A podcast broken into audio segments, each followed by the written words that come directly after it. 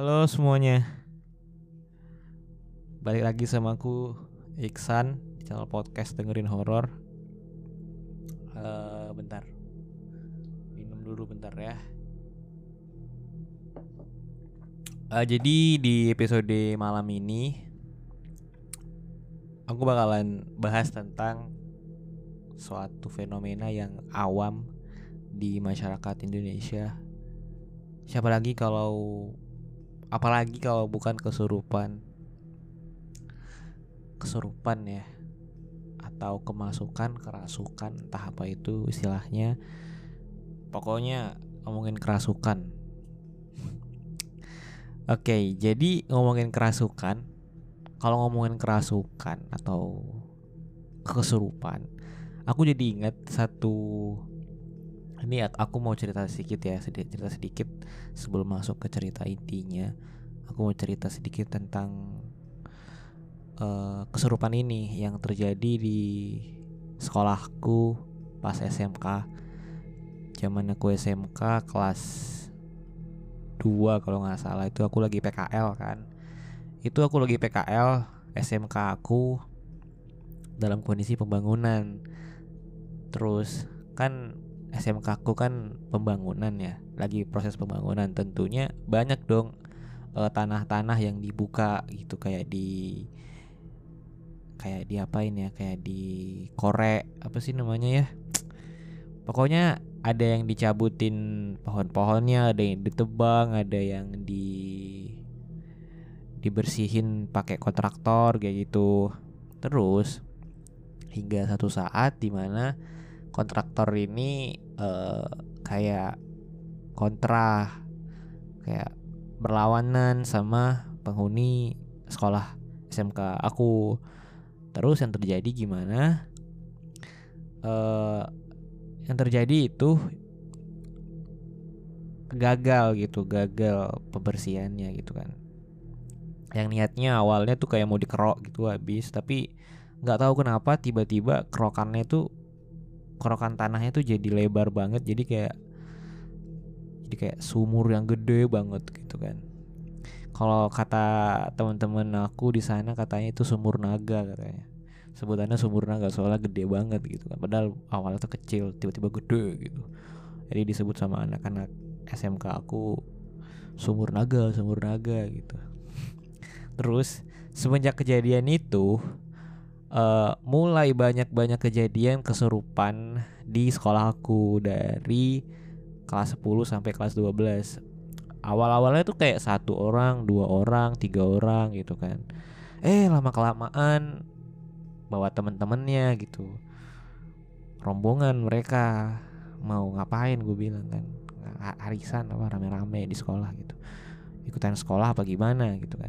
Awalnya satu dua tiga gitu lama kelamaan besoknya di hari Jumat pas lagi uh, di sini kan Batam ya orang Batam biasanya setiap hari Jumat itu anak-anak sekolah SMK atau SD SMP itu setiap hari Jumat baca Yasin gitu.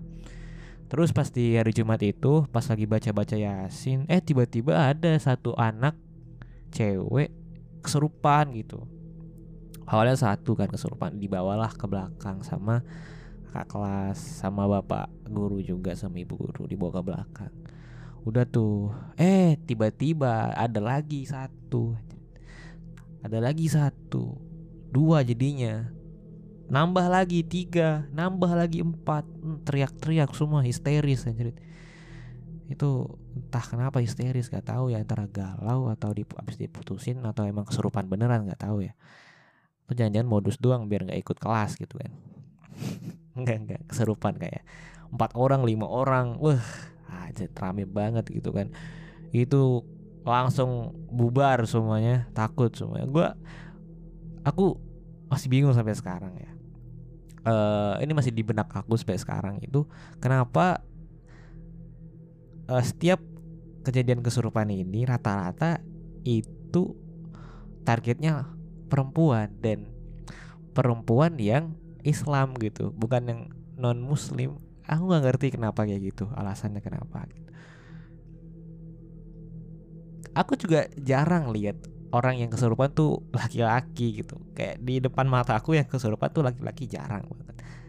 Dan yang paling penting itu biasanya perempuan dan muslim jarang yang non muslim ada yang kesurupan jadi manusia apa gitu kan manusia macan ada yang jadi penghuni apa penghuni perempuan di sekolah itu ada yang jadi cangcorang enggak enggak.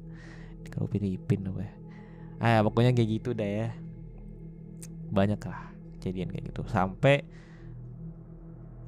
itu kejadian sampai siang kalau nggak salah. Banyak banget sampai 11 12 orang. Tuh tuh itu awalnya pelan-pelan. 1 2 3 4 agak jam 10 ada lagi 6 7 8 udah jam 11 dua, udah lanjut terus kayak gitu terus akhirnya anak-anak cowok pada seneng dong ayo dong tambah lagi tambah lagi tambah lagi soalnya kenapa semakin rame yang kesurupan semakin cepat kami pulang gitu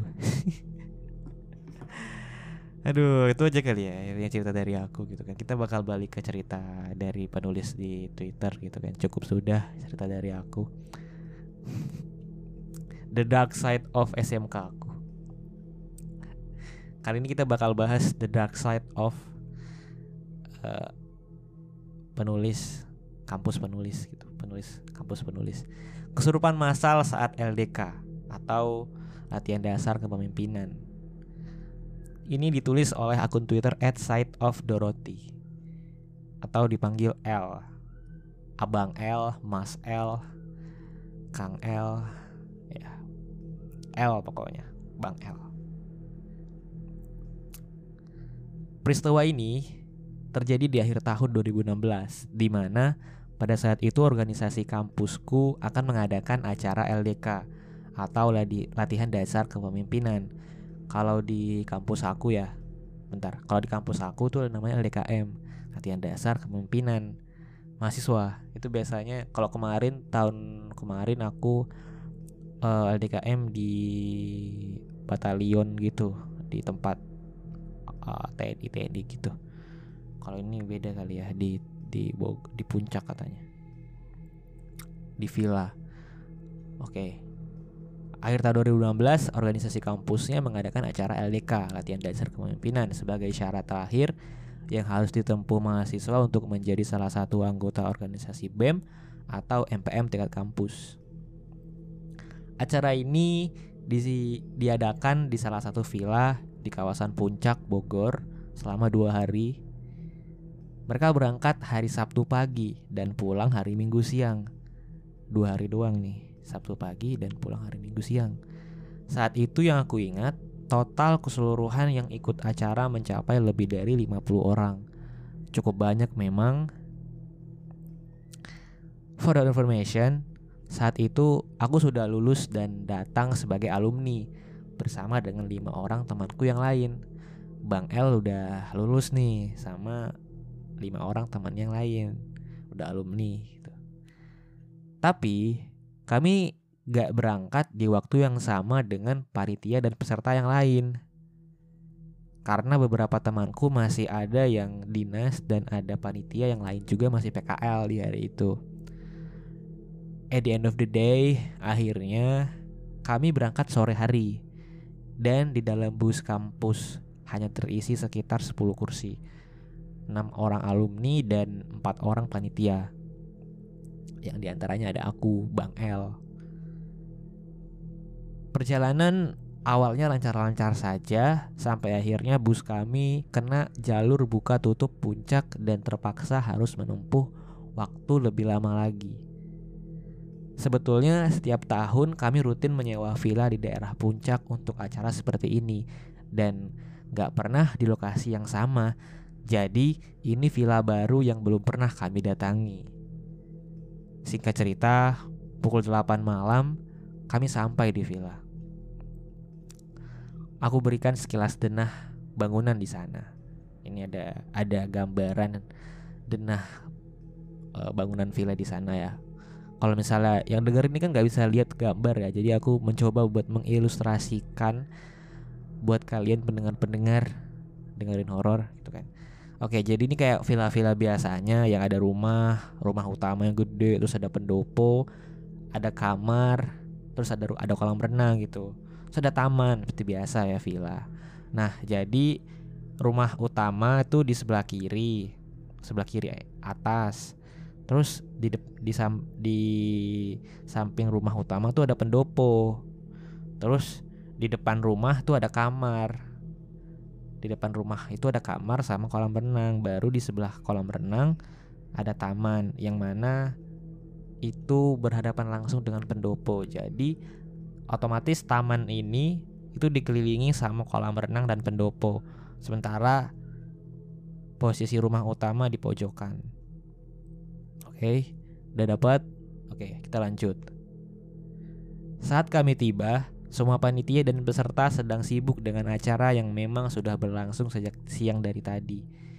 Ada juga beberapa alumni yang lebih dulu sampai sebelum kami. Setelah saling menyapa, aku sempatkan untuk istirahat sejenak di sofa panjang di ruang tamu. Aku lagi istirahat sejenak gitu kan, nyantai di sofa, lagi main HP, scroll Instagram gitu kan. Terus tiba-tiba ada yang teriak gitu ada ada panitia teriak ke aku. Namanya Dezra dia teriak KL KL tolong kak. Terus aku kaget dong. Soalnya dia teriak sambil mem memancarkan wajah yang uh, panik gitu raut wajahnya panik gitu khawatir dan saat itu si Dezra ini dia sedang membopong seseorang cewek yang mana ini adalah salah satu peserta yang entahlah cewek itu wajahnya pucat dan matanya sembab. Jarak kami saat itu sekitar 10 meter. Terus aku aku kaget kan terus aku nanya, e, "Ada apa? Ada apa ini?" gitu. Aku bangun dari sofa dan berjalan ke arah mereka tapi tiba-tiba aku teriak gitu kan. Tiba-tiba aduh apaan tuh? Aku di sini serius aku merasa seperti menabrak sesuatu yang nggak kelihatan di jarak 2 meter dari mereka. Sesuatu yang aku yakin itu besar banget. Saat itu juga langkahku langsung berhenti firasatku mengatakan sesuatu yang nggak masuk akal baru baru saja terjadi.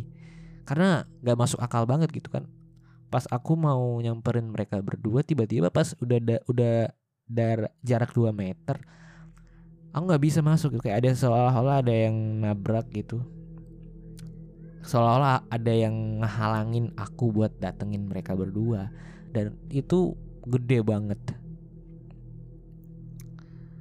Terus cewek itu yang matanya sembab terus pucat itu bilang tuh kan bener kak sambil meluk Dezra. Dia kayak takut tuh cemas itu tuh kan bener kak. Seperti seolah-olah dia tuh yakin ada sesuatu yang janggal di sini. Terus dia bilang tuh kan bener kak sambil meluk Dezra terus nangis. Terus aku nanya sama Dezra, ada apa ini? Jelasin dulu. Gini kak, Tadi kan kami lagi acara di luar dan tiba-tiba si Ayu Ayu ini nama cewek yang tadi Ayu ini tiba-tiba ngomong katanya ngelihat genderuwo setinggi pohon lagi ngeliatin dia. Terus katanya genderuwo itu mau bawa dia ke alamnya. Aku so, aku spontan kaget melotot gitu. Gak habis pikir. Tapi aku sedikit paham sekarang. Sesuatu yang besar dan menghalangi kami saat ini pasti bukan sesuatu yang baik. Sejujurnya, aku gak pernah kena energi sebesar ini selama aku hidup. Iya, ini yang paling besar. Akhirnya, aku menyarankan Ayu dibawa ke dalam kamar untuk istirahat dan gak diikut sertakan di kegiatan malam. Aku juga minta agar hal ini dirahasiakan dari peserta yang lain supaya nggak memancing keributan. Cukup alumni dan panitia saja yang tahu. Terus saat dalam kamar, aku meminta Ayu sedikit bercerita tentang apa yang terjadi padanya. Katanya, Ayu bilang saat dia sampai di villa, dia sudah melihat banyak dalam tanda kutip penunggu di sekitar sini yang mencoba untuk masuk ke dalam badannya atau mau membawanya ikut ke alam mereka. Jadi udah firasat dari awal gitu Ayu datang ke sini wah ada orang negatif di sini yang mengajakku masuk ke alamnya. Aku tidak tidak selemah itu kawan gitu kan sambil sambil cemas gitu. Imanku kuat, imanku kuat, imanku kuat. Terus aku bingung. Aku bingung kenapa harus anak ini, kenapa harus Ayu? Apa istimewanya dia? Terus tiba-tiba Ayu ngomong, mereka suka sama aku karena aku bau laut, kak. Bau laut? Ah yang bener bau laut gitu. Bau laut. Aku kalau ngomongin bahasa bau, bau laut ini jadi ingat parfum ya. Davidoff Cool Water tahu gak sih? Aroma-aroma pantai gitu. Soalnya aku pakai parfum yang kayak gitu, Davidoff Cool Water. Kalau nggak Davidoff ya ini apa namanya? Below the channel, below the channel gitu. Apa sih malah ngomongin parfum aja. Lanjut ya. Bawa laut gitu kan. Kenapa bawa laut? Jadi Ayu ini punya silsilah yang katanya bersinggungan dengan keraton pantai selatan. Hal itu yang membuatnya punya tanda atau punya bau yang berbeda dari orang lain. Dan sialnya yang tak kasat mata lah yang bisa melihatnya. Apalagi saat ini dia ada di wilayah lain yang jelas resikonya tinggi. Terus setelah membantunya untuk lebih tenang, aku meminta Dezra untuk tetap menemani Ayu di kamar. Awalnya dia menolak karena takut. Tapi karena Ayu nangis dan memohon untuk nggak ditinggal sendiri, akhirnya aku panggil panitia lain untuk ikut menemani. Apa kau berlebihan? Aku rasa tidak. Jika sesuatu di luar nalar manusia terjadi, maka tentu tidak banyak hal yang bisa kita lakukan. Satu-satunya yang bisa kulakukan saat ini adalah memperkecil kemungkinan hal-hal buruk lainnya bisa terjadi di tempat ini. Jadi, aku ajak orang lain buat menjaga Ayu. Karena aku punya firasat buruk nih. Malam itu, aku langsung memeriksa setiap sudut villa mulai dari depan sampai ke belakang. Di sini memeriksa dalam tanda kutip kayak menerawang gitu ada apa di sini menerawang dalam proses paranormal menerawang memeriksa setelah itu aku mengumpulkan beberapa panitia dan memberi mereka peringatan tentang batas-batas yang tidak boleh mereka lewati atau dijadikan tempat berkumpul. Dan syukurnya mereka paham soal itu. Pertanyaannya, kenapa aku memberi batas-batas itu? Karena di beberapa titik di villa itu ada dalam tanda kutip rumah untuk satu atau beberapa koloni penunggu di setiap sudutnya. Jadi ya aku batas-batasin dengan maksud nggak ingin saling bersinggungan gitu. Aku memberi batas-batas itu selama kegiatan berlangsung. Oh iya, aku aku nggak sendiri memeriksa seluruh tempat ini. Aku ditemani salah satu panitia namanya Arfi. Aku akui Arfi ini dia cewek yang bisa diandalkan untuk hal ini. Serius, aku nggak tahu apa jadinya kalau nggak ada dia. Sebab dia bisa melihat jelas apa yang nggak bisa kulihat. Malam itu acara berakhir dengan baik dan tidak ada hal aneh terjadi. Alumni, peserta dan juga panitia bisa tidur dengan nyenyak dan pagi pun menjelang. Tapi tidak ada yang menyadari kalau fajar yang menyingsing di balik kabut itu akan membawa peristiwa tak ter tak terlupakan bagi kami. Terus tiba-tiba panitia teriak gitu, teriak ke arah peserta. Teriak sambil ngomong. Ini siapa yang buang pembalut sembarangan? Ini masih ada darahnya di lantai. Kenapa gak dibersihin? Anehnya, Tidak ada seorang pun yang mengaku. Mungkin karena panitianya sudah teriak-teriak aja. Jadinya si pelaku takut untuk mengaku. Kemudian acara terus berlanjut. Acara pagi ini berlangsung meriah karena banyak game dan masing-masing kelompok harus bersaing satu sama lain mendapatkan poin. Ya, kami larut dalam dalam dalam kegembiraan. Gitu. Namun garis-garis batas itu masih ada di sana. Mereka tetap tidak boleh melewatinya karena takut hal yang buruk terjadi. Saat di penghujung acara, di dalam pendopo, seperti biasa, ada dalam tanda kutip drama yang sudah disusun panitia bersama alumni. Drama kayak pura-pura kelahi ya. Lu ya you know lah drama-drama kayak pura-pura kelahi terus kayak cekcokan gitu kan. Entah tujuannya apa biar seru kali ya. Oke ada drama yang sudah disusun panitia bersama alumni. Yang dari awal sudah berjalan sesuai skenario. Terus tiba-tiba panuti panuti ya Tiba-tiba panitia dan alumni lepas kendali nih. Kami saling tuding satu sama lain. Terlepas dari apa yang sudah direncanakan, suasana makin gaduh.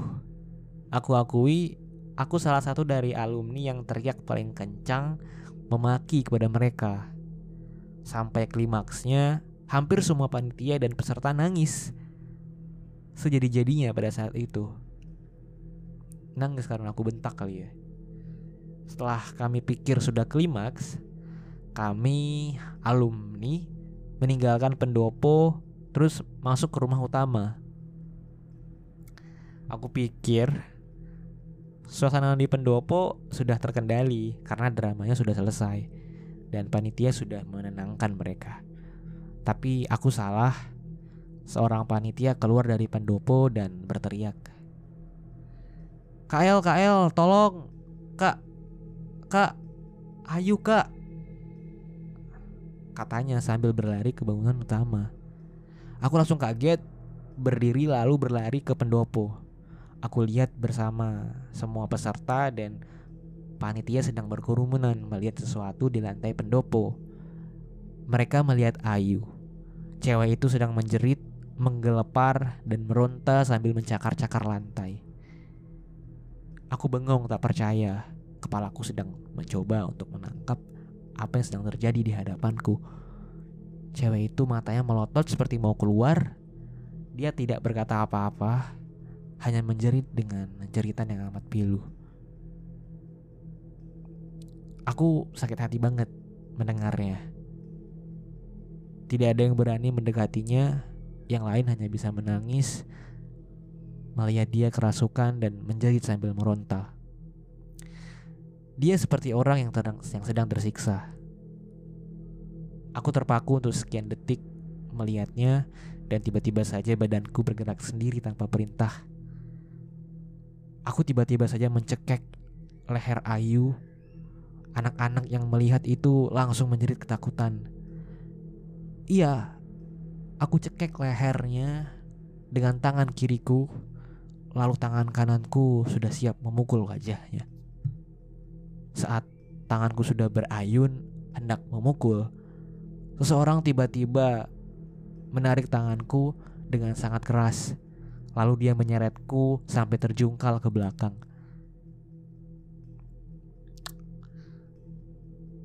Gua tahu lu mau ngapain, tapi lu nggak mikir gimana yang lain kalau lihat. Mereka bakal tambah ketakutan. Teriak gitu. Temenku teriak.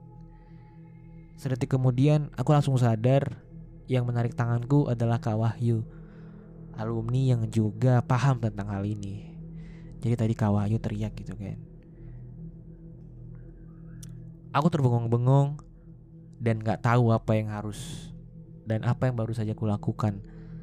Saat itu juga dia meminta Ayu dibawa ke kamar Dan aku mengikuti di belakangnya.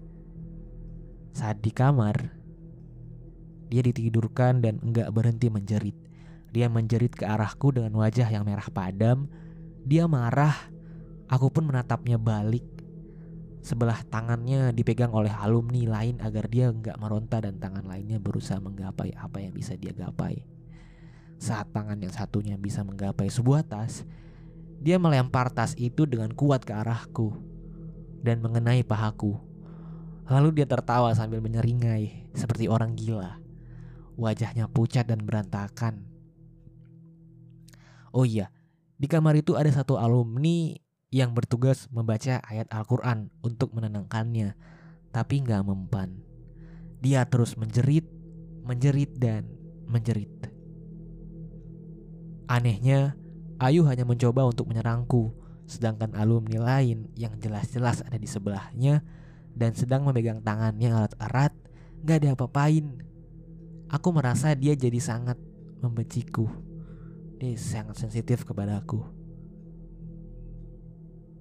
Terus tiba-tiba ada ada teriakan dari panitia lain. KL, ada apa? Yang lain aman kan? Uh, enggak kak. Uh, yang lain juga kesurupan kak. Aku terbelalak dan segera berlari keluar. Ternyata emang benar Hampir setengah orang tergeletak di pendopo sambil menjerit-jerit dan menangis. Tapi kondisi mereka sudah berbeda dengan Ayu. Perilaku mereka nggak ekstrim. Mereka hanya duduk saja, tapi seperti menangis dan menjerit seperti orang gila. Sedang memikirkan utang-utang mereka yang banyak sekali. Karena saham mereka sudah anjlok merah gitu kan. Bercanda. Mereka menangis, menjerit seperti orang gila, Aku dengan sigap membantu untuk menetralisir mereka satu persatu. Ya, aku yakin gak bisa membantu semuanya. Aku sampai dibantu alumni lain untuk memegangi mereka dan alumni yang lain satu persatu juga mulai kerasukan. alumni mulai mulai kerasukan juga. Peserta juga kerasukan, gitu kan. Repot, repot, repot. Salah satunya alumni yang ikut membantuku memegangi peserta yang kerasukan.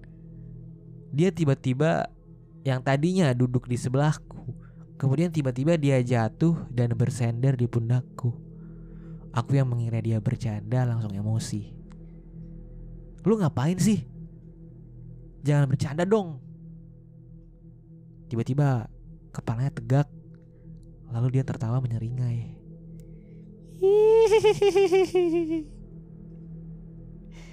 Aku langsung kaget. Ini sudah di luar kendaliku. Aku nggak sanggup. Tiba-tiba kau Ahyu memanggilku dari belakang. El. Apa kak? Lu ke dalam deh. Yang di dalam lebih gawat. Ayu. Bukan, bukan. Ini lebih gawat lagi. Aku langsung beranjak dan gak lupa meminta bantuan peserta dan panitia lain yang masih sadar untuk membuat mereka yang kesurupan di luar merasa lebih baik dengan berdoa atau apa pun yang bisa mereka lakukan. Lakukanlah. Aku mengikuti Kak Wahyu ke kamar yang berbeda dengan kamar Kak, kamar Ayu tadi.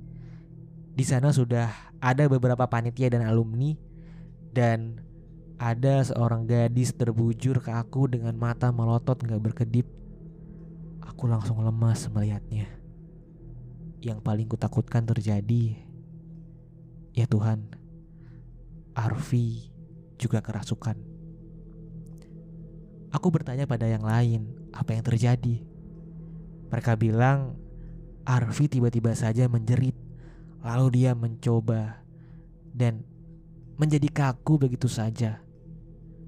Sumpah, matanya melotot dan gak berkedip sama sekali. Dia juga gak bicara apa-apa, hanya melotot menatap ke arah langit. Aku duduk di sampingnya, lalu mengajaknya bicara. Arfi, Arfi, Arfi dengar saya, tapi gak ada respon sama sekali. Aku melihat Kak Wahyu dan dia menggeleng. Artinya dia juga sudah melakukan sesuatu yang Gak tahu lagi harus bisa harus berbuat apa. Aku makin lemas, tapi aku gak nyerah. Aku terus memanggil namanya. Arfi, Arfi. Tiba-tiba dia menjawab, anak ini ikut saya ya, kata makhluk itu. Dia bicara menggunakan mulut Arfi. Suaranya bahkan sudah agak serak. Ya, pokoknya berbeda lah. Aku melihat yang lain satu persatu. Barangkali ada yang ingin bicara selagi Arfi merespon, tapi mereka ingin aku saja yang bicara. Terus aku nanya, aku nanya ke badan Arfi. Aku nanya, kenapa kamu mau bawa dia? Arfi tersenyum, matanya masih melotot ke satu titik tanpa berkedip. Sambil ngomong, anak ini punya banyak. Saya suka anak ini, jawabnya. Gak, gak boleh. Saya gak mengizinkan. Kenapa? Dia punya keluarga. Dia bakal pulang sama kami. Kamu gak berhak ngambil anak ini. Makhluk itu sepertinya gak senang. Wajahnya merah padam. Dia terak. Dia teriak dengan suara yang sangat keras. Saya sudah bilang sama kalian, jangan teriak-teriak di sini. Kalian marah kurang ajar. Bicara nggak sopan, Kalian mengganggu kami. Semua orang di ruangan kaget dan merinding. Aku langsung menurunkan ego dan mencoba untuk tenang. Ini taruhannya nyawa. Jadi aku nggak boleh bertindak semuanya juga. Aku harus mendahulukan keselamatan Arfi. Iya, baik-baik. Kami minta maaf untuk semua hal yang sudah kami lakukan.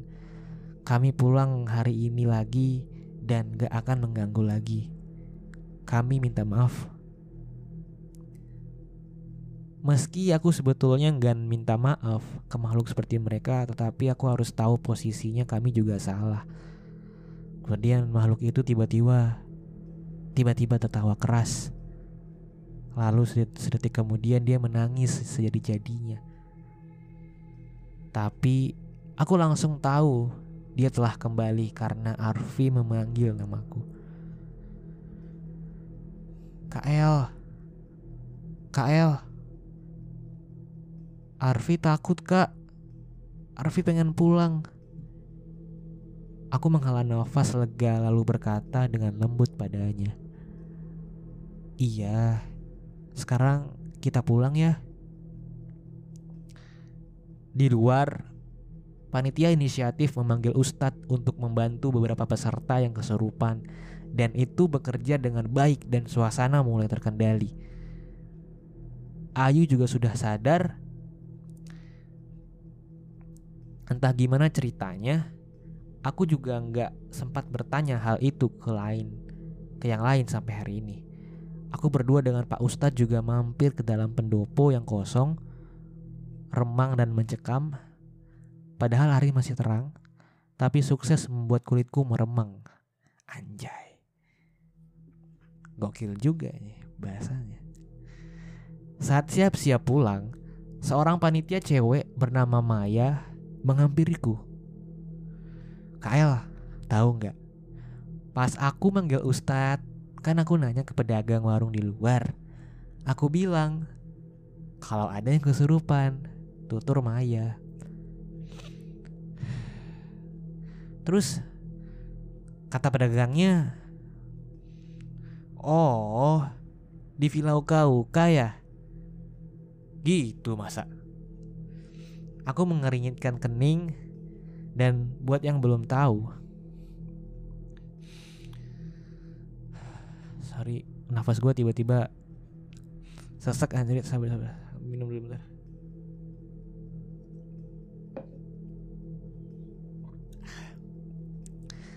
jujur sampai sini seseknya ternyata Ini namanya Villa Uka Uka.